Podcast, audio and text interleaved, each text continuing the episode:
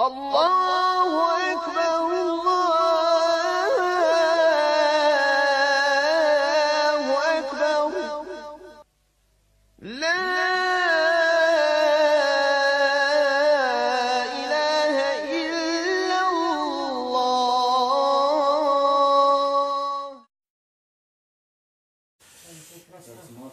بسم الله والصلاة والسلام على رسول الله صلى الله عليه وسلم. Draga braćo, pokušat ćemo inša Allahu ta'ala u kratkom vremenu dok se još može da, da, da po, pojasnimo jednu granu ili osnovu bez koje ne može Islam opstati. Mi smo govorili kroz dersove i, u fiqh, i o fiqhu i mesele smo neke iznalazili i govorili smo o meselama mnogo. Govorili smo i o tefsiru i o akidi smo govorili. Ona, čak smo i o siri isto i kroz drsove znali govoriti. Pa sam odlučio, inša Allahu ta'ala, da ovo što je ostalo, dok se još može, inša Allah, da se pojasni jedan temelj bez koga ne može da opstane Islam nikako odnosno ne da kažemo opstane, nego spada u osnove šarijata. A to je znači hadith. To je znači šta? Hadith.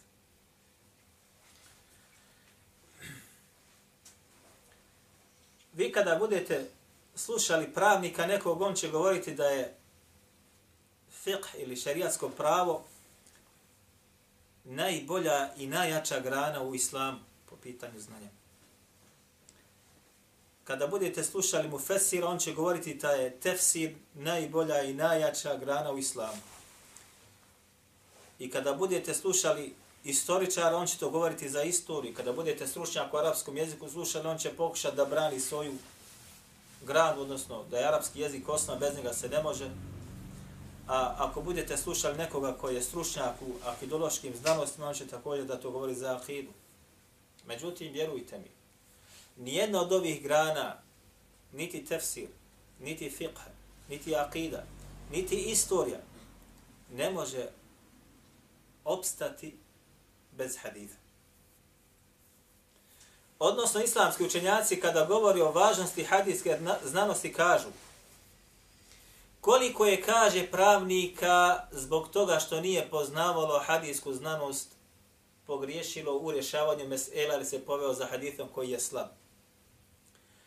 I koliko je učenjaka u akidi također pogriješilo se povjelo za hadithom koji je slab.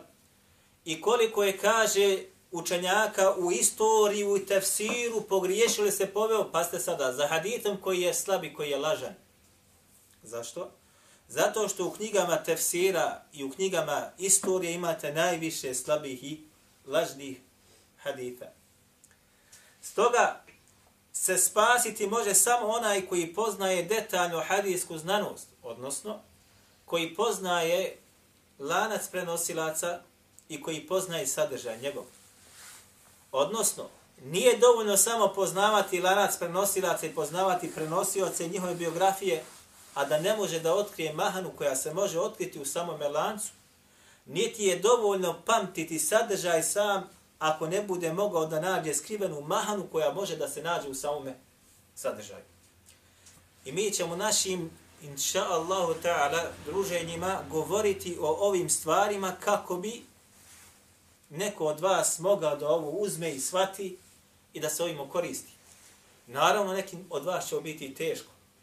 Ali možda će doći neko ko će ovo moći da razumije nakon vas i ostane zabilježeno. Također, vidjet ćete kako se može prepoznati hadis koji je slab od onoga koji je ispravan. Ili hadis koji je lažan od onoga koji je slab. I tome slično, ali sve u svoje vrijeme. Međutim, alhamdulillah, ihdikum Allahu wa yuslihu balakum.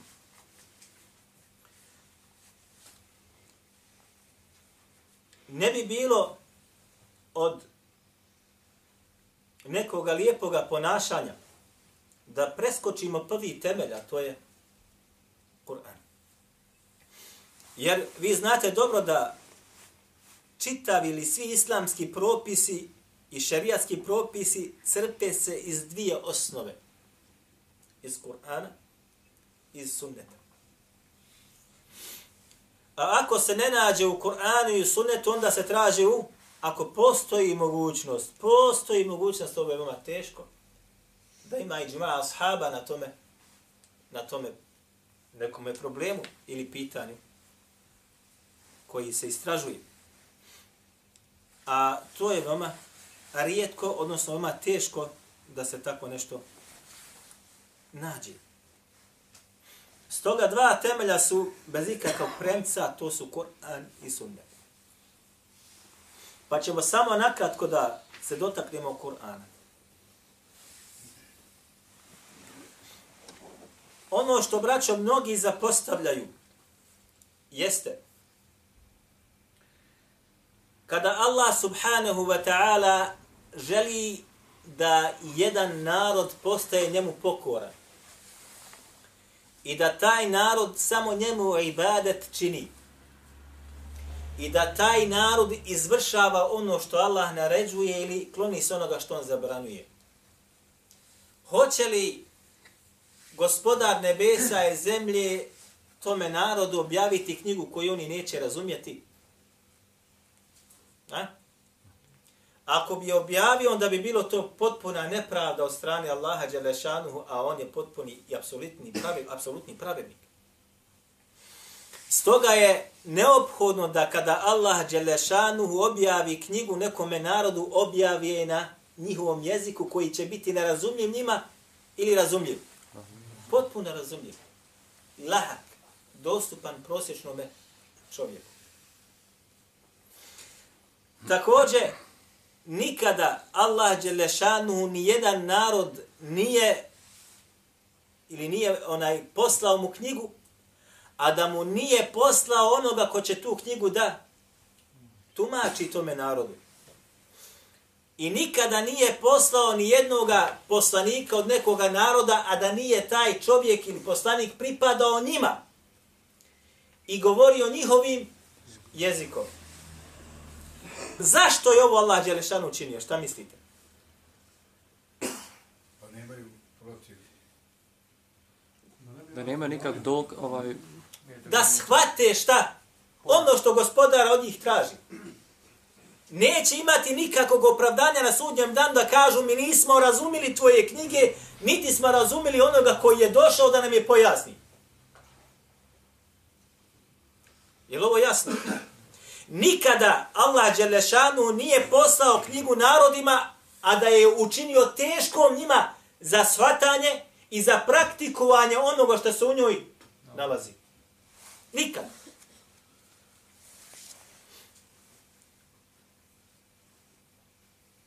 Pogledajte što kaže Allah Đelešanuhu u primjeru Musa alihi salam.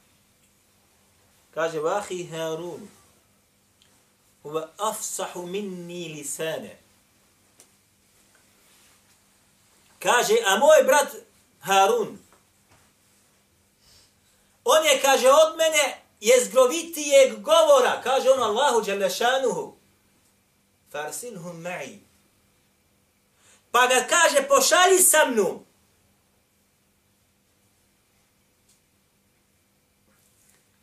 Ovde, između ostaloga, kada se govori kome da ga pošalje, ha? jedan od govor mu Fesir jeste faraonu. A jedan govor jeste da yusaddiqni, da kaže on potvrdi moje riječi. U hirajetu drugom yusaddiquni, yusaddiquni, yusaddiqni i yusaddiqun. Ovo su takozvana tri hirajeta po pitanju ovoga samo izraz. Jedni kažu kako dolaze u izrazu da on potvrdi moje riječi, međutim drugi kako dolaze hirajeti jeste da oni potvrde ono što ja budem govorio. Ko oni? Firaun ili njegov narod?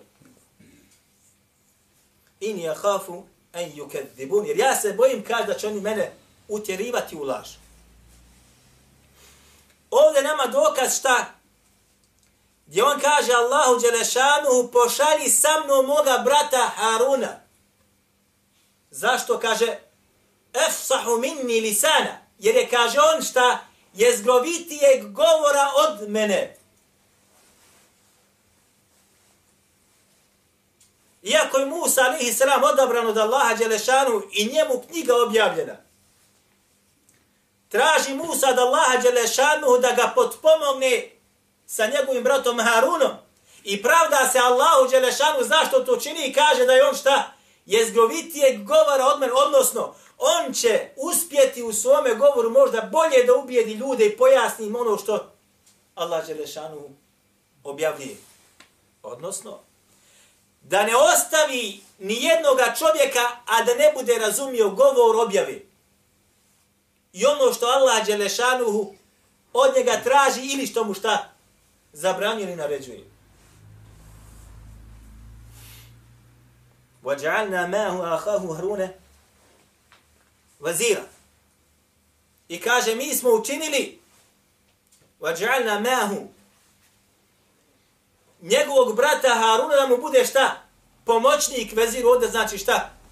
Pomoćnik. Onaj na koga se može šta? Da osloni onome što mu Allah Đelešanu naređuje. Dakle, braćo, Allah Đelešanu je između ostaloga i ovaj Kur'an koji je preko poslanika sallallahu alaihi wasallam dostavio čitavom čovječanstvu učinio da bude isto također šta lahak ili težak. Rekli smo prošli put, ako se ne vale pretprošli puta, učinio ga da bude šta lahkim i da bude na čistome arapskome jeziku. I kažu islamski učenjaci da njega ne može razumjeti i ne može iz njega izvući propise i ne može ispravno da shvati poruke koje su njemu nalaze, osim onaj koji kažu ili Arab, ili kaže poznaje arapski jezik. Jer bosanac ili turčin ne može da spozna značenje Kur'ana. Kada sluša učenje Kur'ana, ne može da spozna poruke Kur'ana. Ne može da spozna šta mu Allah naređuje, šta mu zabranjuje. Osim da čita prevod. Je li tako ili nije tako? A to je manjkavost. Stoga je neophodno na muslimanu da spozna arapski jezik da bi mogao da spozna govor njegovog gospodara od onoga što mi je objavljeno. Pogledajte sada. Nemojte, braćo, da se zavaravate. Najveći učenjaci u hadijskoj znanosti bili su ne Arapi.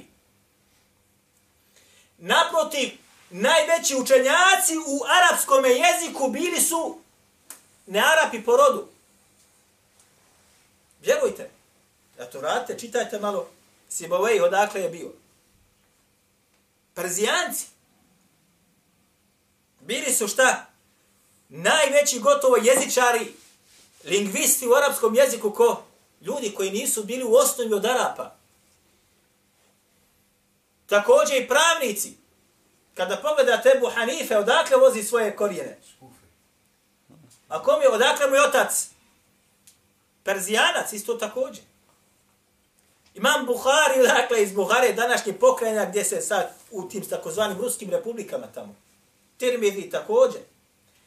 Dakle, uspjeli su da savladaju ono što Arapi sami nisu mogli. Zbog čega su to uspjeli? Zbog čega? Zato što nisu poznavali arapski jezik, jel tako? Ili su ga poznavali od malih nogu? Ibn Taymi je bio kurd. Salahudin Ejub je bio kurd. Nije bio arap. Zato što se je u njihovim pokrajinama govorio kakvim jezikom? Arapskim. Arapski jezik je bio takozvani šta? Državni jezik. Mogao se govoriti svojim narodnim jezikom, ali osnova je bila šta? Arapski jezik. Gašenjem hilafeta i prije gašenja hilafeta dolazi do šta? Uništavanja takozvanog državnog jezika koji je bio tada. A to je bio šta? Arapski. I to je plan onih koji ne vole islam i muslimane. Da muslimane što dalje odalje od čega? Od arapskog jezika. Da oni koji su ne Arapi ostanu predani svome narodnom jeziku i da taj njihov narodni jezik pređe u oficijalni ili državni jezik. I tako se učinilo. U Bosni i Hercegovini nekada ovdje nije bilo latinice, vi znate za to? Da su muslimani pisali arebicom. Piše arebicom. Nije niko znao latinice, osim mali broj možda onih koji su kontaktirali sa ostalim narodima. I tako je bilo i u Turskoj. I tako je bilo u svim nearapskim dijelovima. A oficijalni jezik je bio opet šta? Arapski. Otiđite u Gazi Husrem Begovu biblioteku gdje se čuvaju spisi. Pa ćete naći veliki broj učenjaka iz Bosne koji su pisali knjige na kakvom jeziku? Bosanskom? Na arapskom jeziku. Mahputajat. Ja kad sam bio, između ostaloga, u Jordanu istraživali smo, znači, dobio sam zadaću da istražujem sve rukopise koji se nalaze u arapskim bibliotek, bibliotekama ili zakladama koji su napisali bosanci rukopi, djela u rukopisu, da li iz haditha, da li iz fiqha, da li iz usula, da li iz tefsira, da li iz jezika, da li iz sire, da li iz istorije. Nije insan mogao da vjeruje kakve kapitale je ova zemlja iznedrila. Ljude koji su bili stručnjaci u tim oblastima. Ej? I sve su pisali arapskim jezikom. Dobro, ako su pisali arapskim jezikom, za koga su pisali? Za muslimane koji su živjeli u Mekim Medini, oni koji su bili ovde. Koji su bili ovde. Međutim, danas toga više nema. Ne samo da su to uspjeli da urade oni koji ne voli islam muslimane, nego šta su još uradili? U arapskim pokrajinama i gdje se govori arapski jezik, iskvarili su taj arapski jezik. Iskvarili su taj arapski jezik. Tako da sad svaka država ili pokrajina u arapskom svijetu ima svoj dijalekat. Gdje Tunižani ne može da razumije onoga iz Egipta ili iz Hidžaza. Niti Jemenac može da razumije onoga koji dolazi iz Libije. Niti onaj koji je u Maroku može da razumije onoga koji živi u Iraku. Kao dva stranca. Kao dva stranca, vjerujte mi. A ako govore čistim arapskim jezikom, sporazumijevaju se normalno. Ja sam znao, braćo moja draga, doživjeti to da mi kaže Arapi, profesor arapskog jezika, sa svojim dijetom ne priča arapski, a sa mnom ja sedi sa mnom, a sa mnom priča arapski. Pa mu ja kažem, zašto za svojim dijetom ne pričaš arapskim jezikom?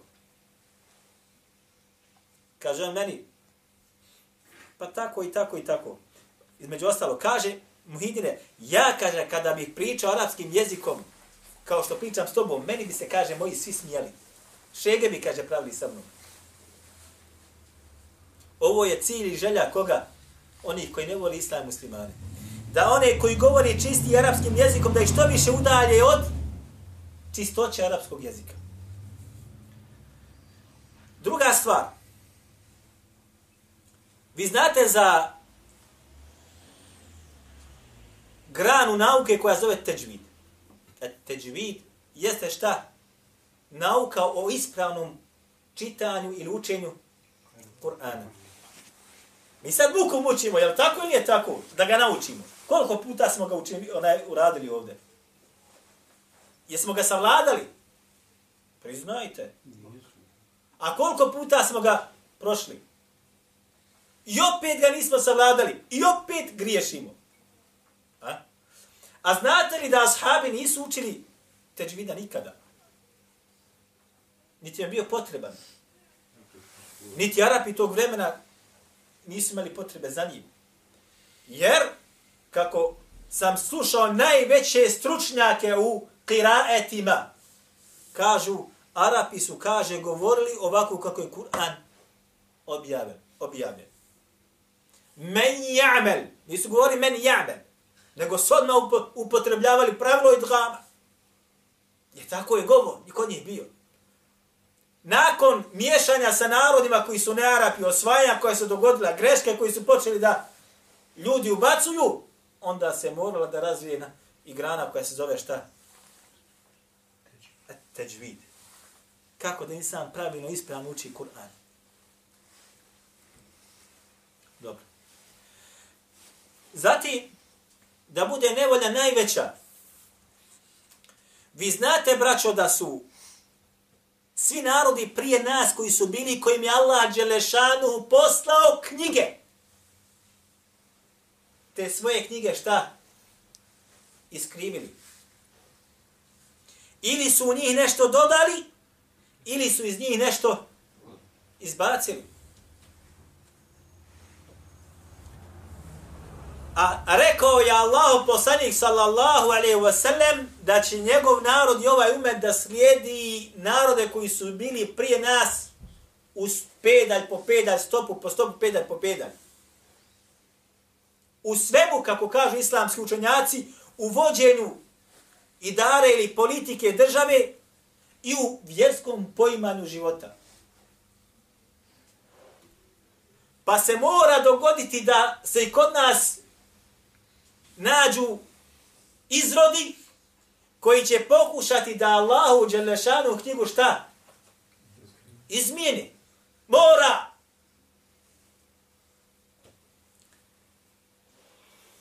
Knjige koji su bile prije nas objavljene su izmijenjene i ostale takve. I Kur'an potvrđuje njihovu izmjenu, dopunu i ono što je iz njih izvađeno. Je tako ili tako? Jer su učenjaci kršćana i židova imali zadaću da čuvaju knjige. Pa i nisu šta izvršili. Jer su oni bili ti koji su je mijenjali za nešto što malo vrijedi. Pa je Allah subhanahu wa ta'ala čuvanje ove knjige koje je preko Meleka Džibrila spustio Muhammedu sallallahu alaihi wasallam preuzeo za sebe. Inna nahnu nazalna dhikra wa inna lehu lehafidun. Kaže Allah, mi smo Kur'an objavili i mi ćemo ga čuvati. Sam sebe veliča ovdje. Garant da će ga on čuvati i garant da neće uspjeti onaj koji bude htio da izmijeni. Međutim, je li znate, braćo, da se dogodilo opet usprko svemu ovome, izroda u ovome umetu koji se prepisuje Islamu i Muhammedu sallallahu alaihi wa kao poslaniku, bilo koji su ostavili za sebe tragove, zapisane u svojim najcijenjenijim dijelima, da je Allahova Đalešanuhu knjiga koja je među našim rukama u stvari šta? Izmijenjena. Da u njoj nedostaju ajeti, da ne dostaju imena određenih osoba, određena imena munafika ili tako dalje. Dobro, šta vi mislite, braćo, sada, ha, kada bi mi to zastupali. Trenutno sad u, u ovoj zemlji kada bi mi to zastupali. Mi kao ovakvi kakva jesmo. Šta bi se sa nama dogodilo? Šta bi se sa nama dogodilo? A, sam je bile, mješalicu bi nas stavili. Zabetonirali ono mikse. Je li tako ili je tako? A zamislite, braćo, da oni koji ovo zastupaju u ovoj zemlji su počašćeni narod ovdje. Ili grupa koja je diplomatski pokrivena i kojoj su otvorena vrata. Koji ako se upozoravaju na nešto upozoravaju se sa lijepim žargonom i diplomatskim jezikom. Dočim, ako si šafija u Medhebu ili Hanbelija ili Malikija, a živiš u ovoj zemlji, primjera radi. Zašto? Jer ova država ko biva islamske institucije priznaju sve četiri medheba.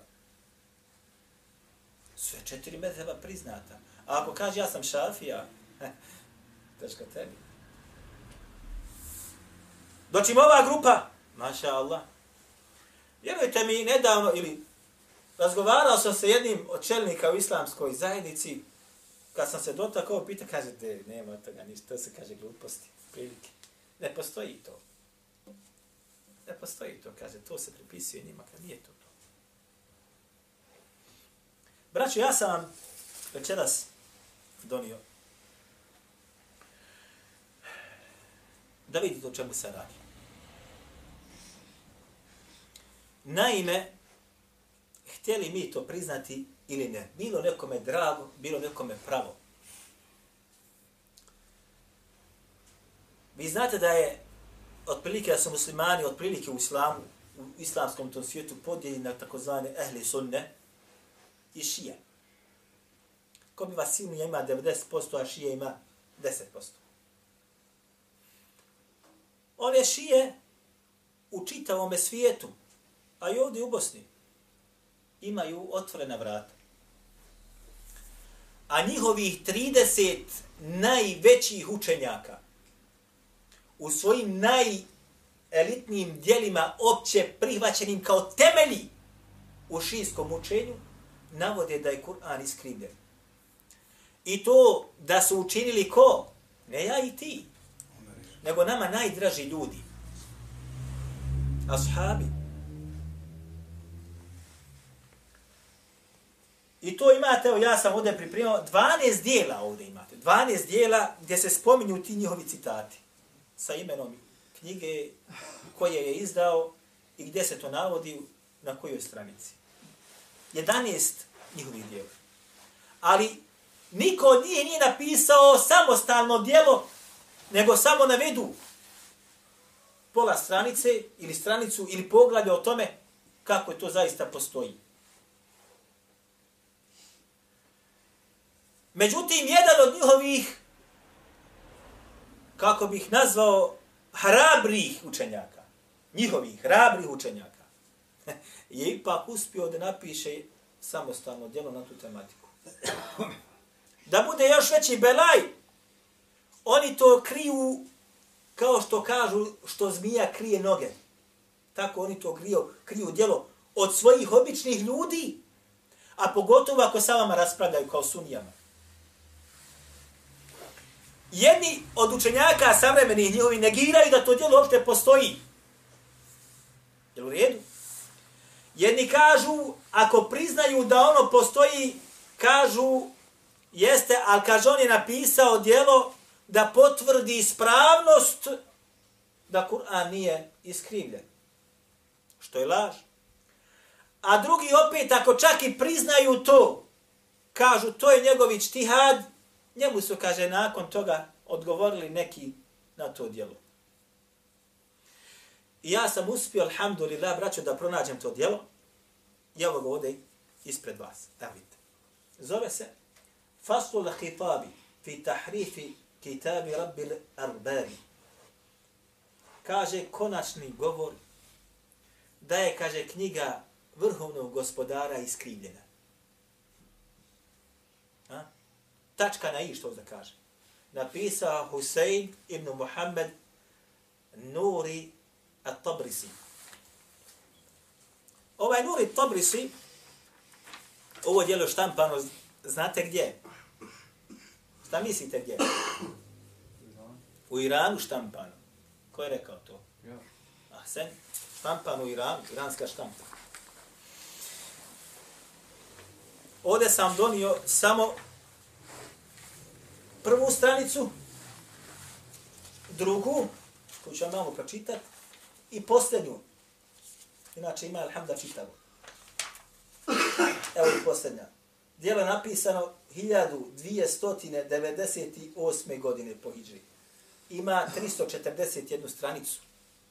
341 stranica ko biva nekog dokaznog materijala da je Kur'an knjiga koja je iskrivljena. Šta mislite da mi tu knjigu napisali? Ili neko od učenjaka koji mi smatramo, ali imam Buhari da je on napisao. A? Ne se. S, oh, zaboravio sam subhanallah. Ne se. Danas sam skinuo sa interneta sa jedne stranice El Hadi. Šijska stranica, skinuo sam biografiju ovoga autora. Da im što oni kažu o njemu. Oni ga smatraju da je najveći stručnjak za hadijske znanosti kod njih u vremenu kojim je živio. I dali su mu naziv Ajatullaha. Jedan od islamskih učenjaka je napisao odgovor na ovu knjigu, Dehli Suneta vel Džamata. I detaljno je došao sa njegovom biografijom šta su sve spomenuli oni o njemu. Znate šta je rekao? Kaže, bio sam jednom u Osbahanu. U Iranu je bio. Posjeti. Nije mu bilo u namjeri da on traži ovu knjigu. I kaže, bio sam na jednoj od pijaca njihovih i došao sam do jednog starog, kaže, čovjeka koji prodaje knjigu na arapskom jeziku. Pa sam tražio, uh, nađu, kaže, ovu knjigu. Ovu knjigu nađu. Pa sam, kaže, pitao koliko košta, pa me, kaže, gledao, hoće li mi je prodati ili mi neće prodati? Hoće li prodati, neće prodati, pa sam ponudio cijenu, pa mi je, kaže, dao. Odmah sam kao otišao u hotel da otvorim da vidimo šta se tu nalazi. Pa sam, kaže, ustao i napisao sam, kaže, odgovor, odgovor njima. Braćo, on odmah na sljedećoj stranici, nakon uvoda, odmah sljedeća stranica, druga. Kaže između ostaloga. Kaže, Hada l-kitabu latifu, sefaru šarifu, amiltuhu fi ithbati tahrifi القرآن وفضائه أهل الجور والعدوان kaže ovu sam kaže knjigu koja je kaže tako lijepa, tako dobra, časna. Kaže napisao da potvrdim fi ithbet da je kaže Kur'an iskrivljen. Nije pisao ni za šta drugo. I s ovim se on hvali. A Allah kaže da je on ovu knjigu učinio šta da će biti čuvana s njegove strane. A on se hvali da je uspio da dokaže da je ona iskrivljena.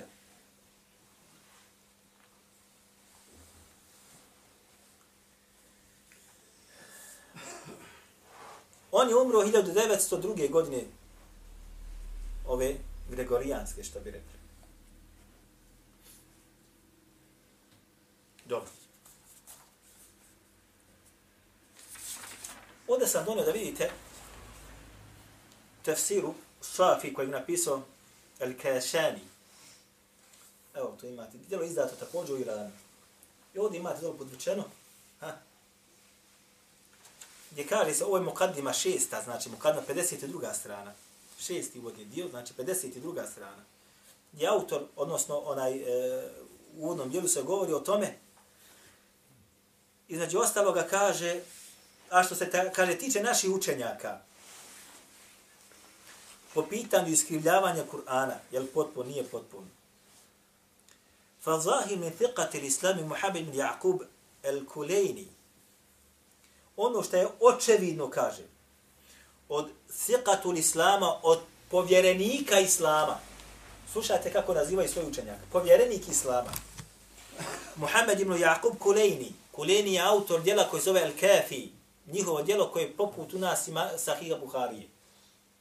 Znači, Kulejni je autor djela koji zove se Al-Kafi. Taj Kafi, Al-Kafi kod njih jeste kao kod nas Sahih Buhari. Jel u redu? Kaže, kana ja'taqidu at-tahrifa wa naqsana fi al-Qur'ani. Bio je, kaže, ubijeđen da je Kur'an iskrivljen i da se u njemu nalaze šta? Naks je, braćo moja draga, nešto što je oduzeto iz njega. Zamisli da daš imam Buharija, napiše i u svome sahihu da je on ubijeđen da je Kur'an iskrivljen. I zatim nam dođe sa nekoliko rivajeta nekih tamo sa lancima prenosilaca ko biva da je Kur'an iskrivljen. Šta bi vi uradili sa Buharinom sahihom da ima to unutra? Bi ga čitali? Ili bi ga zapalili? On bi bio s njim. Ha? Zapalili, rekli bi ti nisi sunja, ti si rafidija. Jesu to oni uradili? Jo, oni su rekli, to je naše najvjerodostojnije delo hadith. I zatim spominje imena onih koji su između ostaloga na tome, na tome stavu.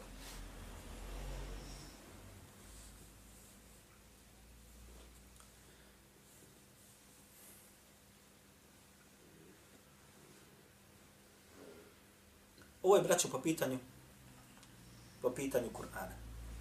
S tim da je kod ehli suneta došlo do jednog drugog oblika iskrivljavanja. Od onih koji nisu šije. Ko zna o kakvom se obliku tu radi? Tumačenju. A, odlično. Radi se o tumačenju jasnog Allahovog dželješanuhu govora.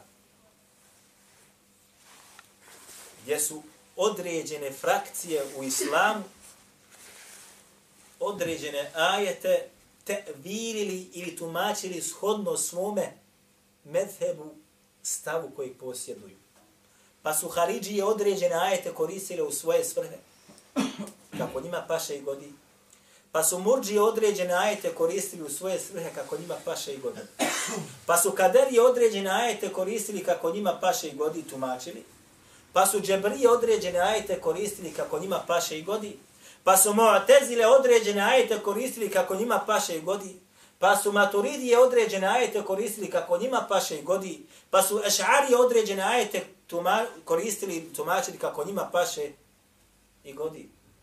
A zatim, nakon toga se pojavila određena sufijska učenja koja također određene ajete uzimaju kako njima paše i godi.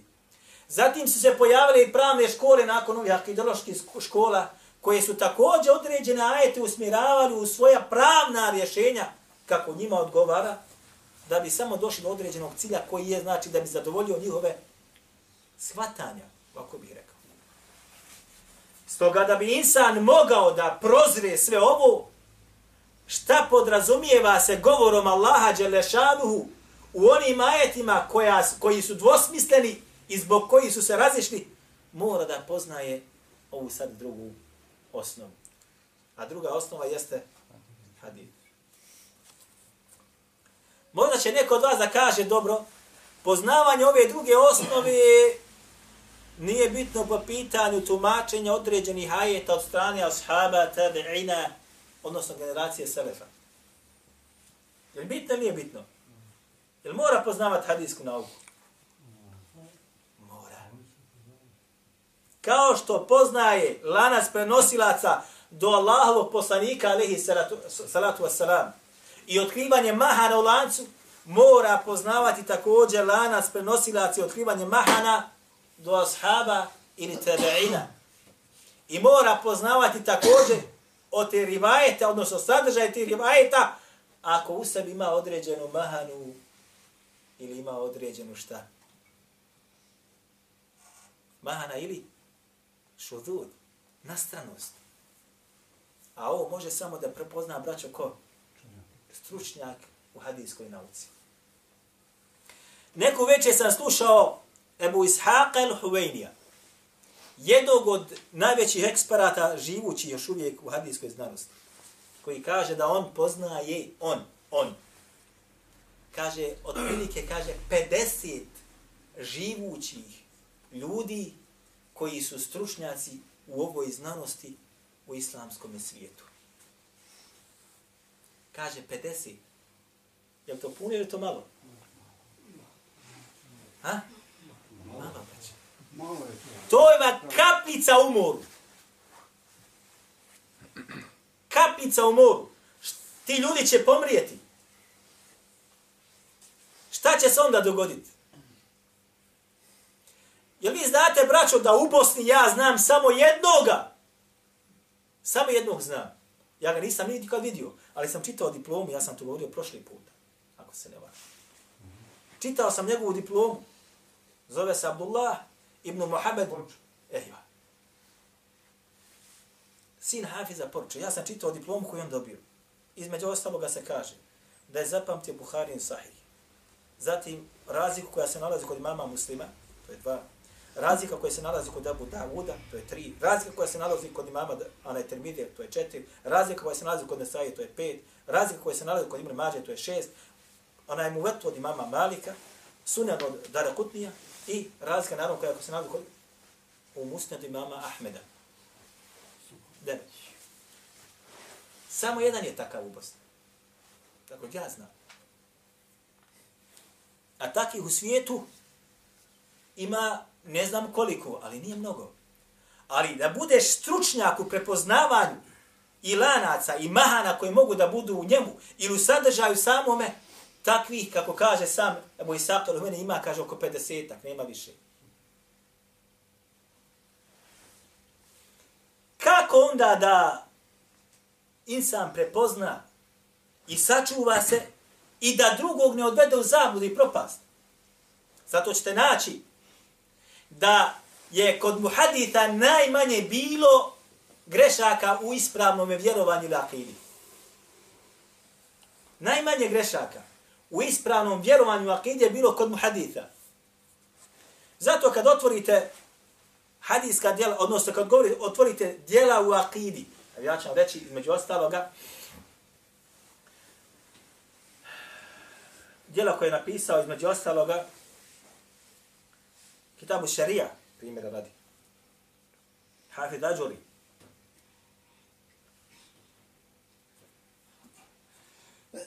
Naćete između ostalog unutra da navodi akidu koju su posjedovali islamski učenjaci u onom vremenu.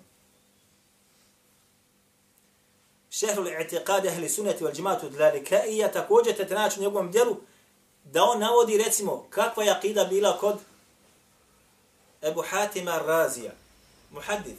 Kaka je između ostalo akida bila kod imama Ahmeda, muhaddith, faqih. Kaka je akida bila kod mnogih drugih, kod Sufjane Thevrija, Sufjana, Sufjan ibn Ujejne. Sve su to bili ko? Muhaddithi.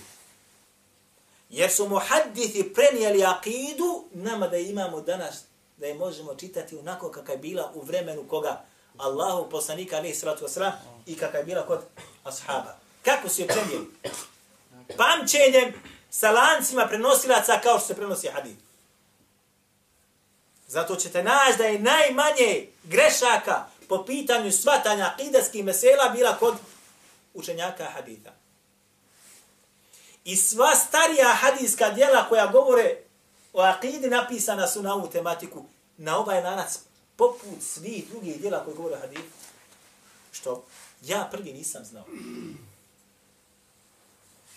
I mi kad smo izučavali tahavijsku ahidu, nemate lanca prenosilaca, nemate za svaku meselu lanac prenosilaca, nemate tamo rivajeta da mi je pričao ovaj od onoga od onoga. Nego imate samo poglade i to se znači onda raspa ispod toga se vrši. Dok insan nije sjedio pred učenim i dok nije insan dobio u ruke ono što je dobio, pa je vidio, subhanallah, ladim, kakav sam neznanica po ovom pitanju bio. Svaka akideska mesela ima svoj lanac prenosilaca. Svaka. I svaki opis određenih zalutalih skupina koji su u islamu također se nalazi u tim knjigama sa lancima opet prenosilaca. A da bi shvatio jel taj sadržaj ispravan, opet moraš poznavati šta? Hadijsku znanost. Odnosno, bez nje ne možeš da makniš. Sad još sa trenutak da se vratimo na tefsir, da se vratimo na istoriju. Braćo moja draga, vi imate danas oštampane tefsire na arapskom jeziku, na engleskom jeziku i na bosanskom jeziku. Gdje se naveden određeni ajet, pa zatim kaže značenje dole njegovo se navede. Imate, znači, štampani tefsira savremenih učenjaka, gdje on tefsiri tumači taj govor. A imate takozvani dvani tefsire, tradicionalne tefsire gdje se određeni ajeti tumače s čime sa hadithom ili sa govorom nekih od ashaba ili tade'ina. Takvih tefsira, jačih tefsira, imate tri samo. Jačija su. Tefsir od Taberija, tefsir od Ebu Hatima Razija i tefsir od Abdurazaka.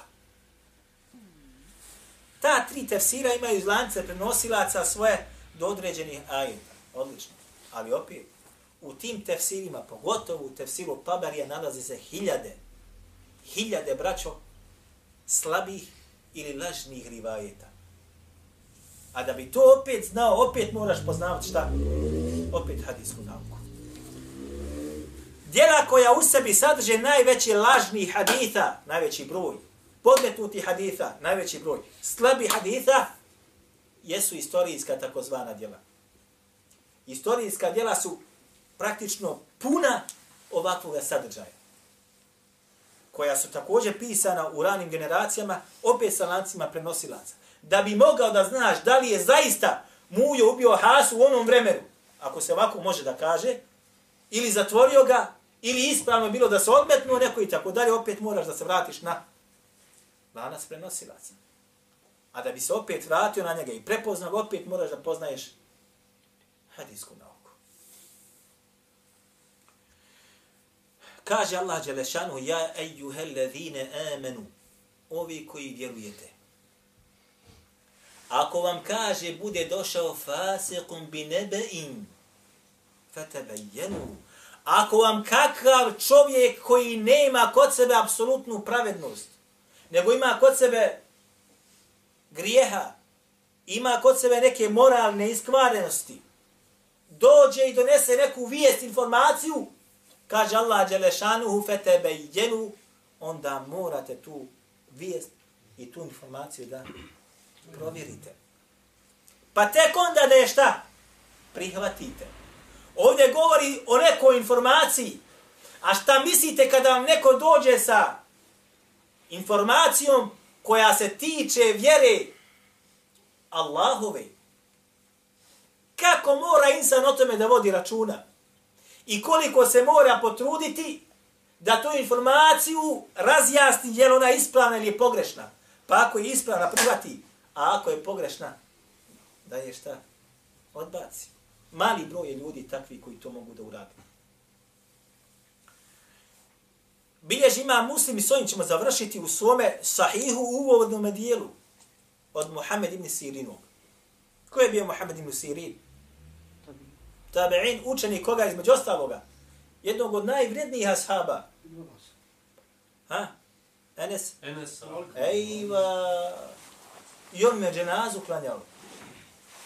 Muhammed ibn Sirin mu je klanjao šta? Dženazu. Kaže, lem yekunu yes'alun jes elun ani. Kaže, nisu, kaže, prije, ha? koji su bili prije njih. A ko je to bio? Ashabi. Nisu, kaže, pitali za senet. Za lanac prenosilaca. Nisu pitali. Samo ako bi neko rekao, rekao Allah poslanik sallallahu sallam, odmah bi šta? Dobro obrati pažnju i pamti tu informaciju sve dok kaže nije se dogodila fitna. Pa kad se dogodila fitna, šta su onda radili? Fa yunzar ila ehli sunnati fa yu'khad hadithuhum. Kaže, pa ako bi bio onaj koji govori, rekao je Allah poslani kod pripadnika sunneta, ehlu sunne, od njega bi se, kaže, uzimao hadith. Šta god da kaže. Da je rekao, rekao Allah poslani, sallallahu sallam, ne treba ti lana, što bi rekli mi. Va yunzar ila ahli bid'i.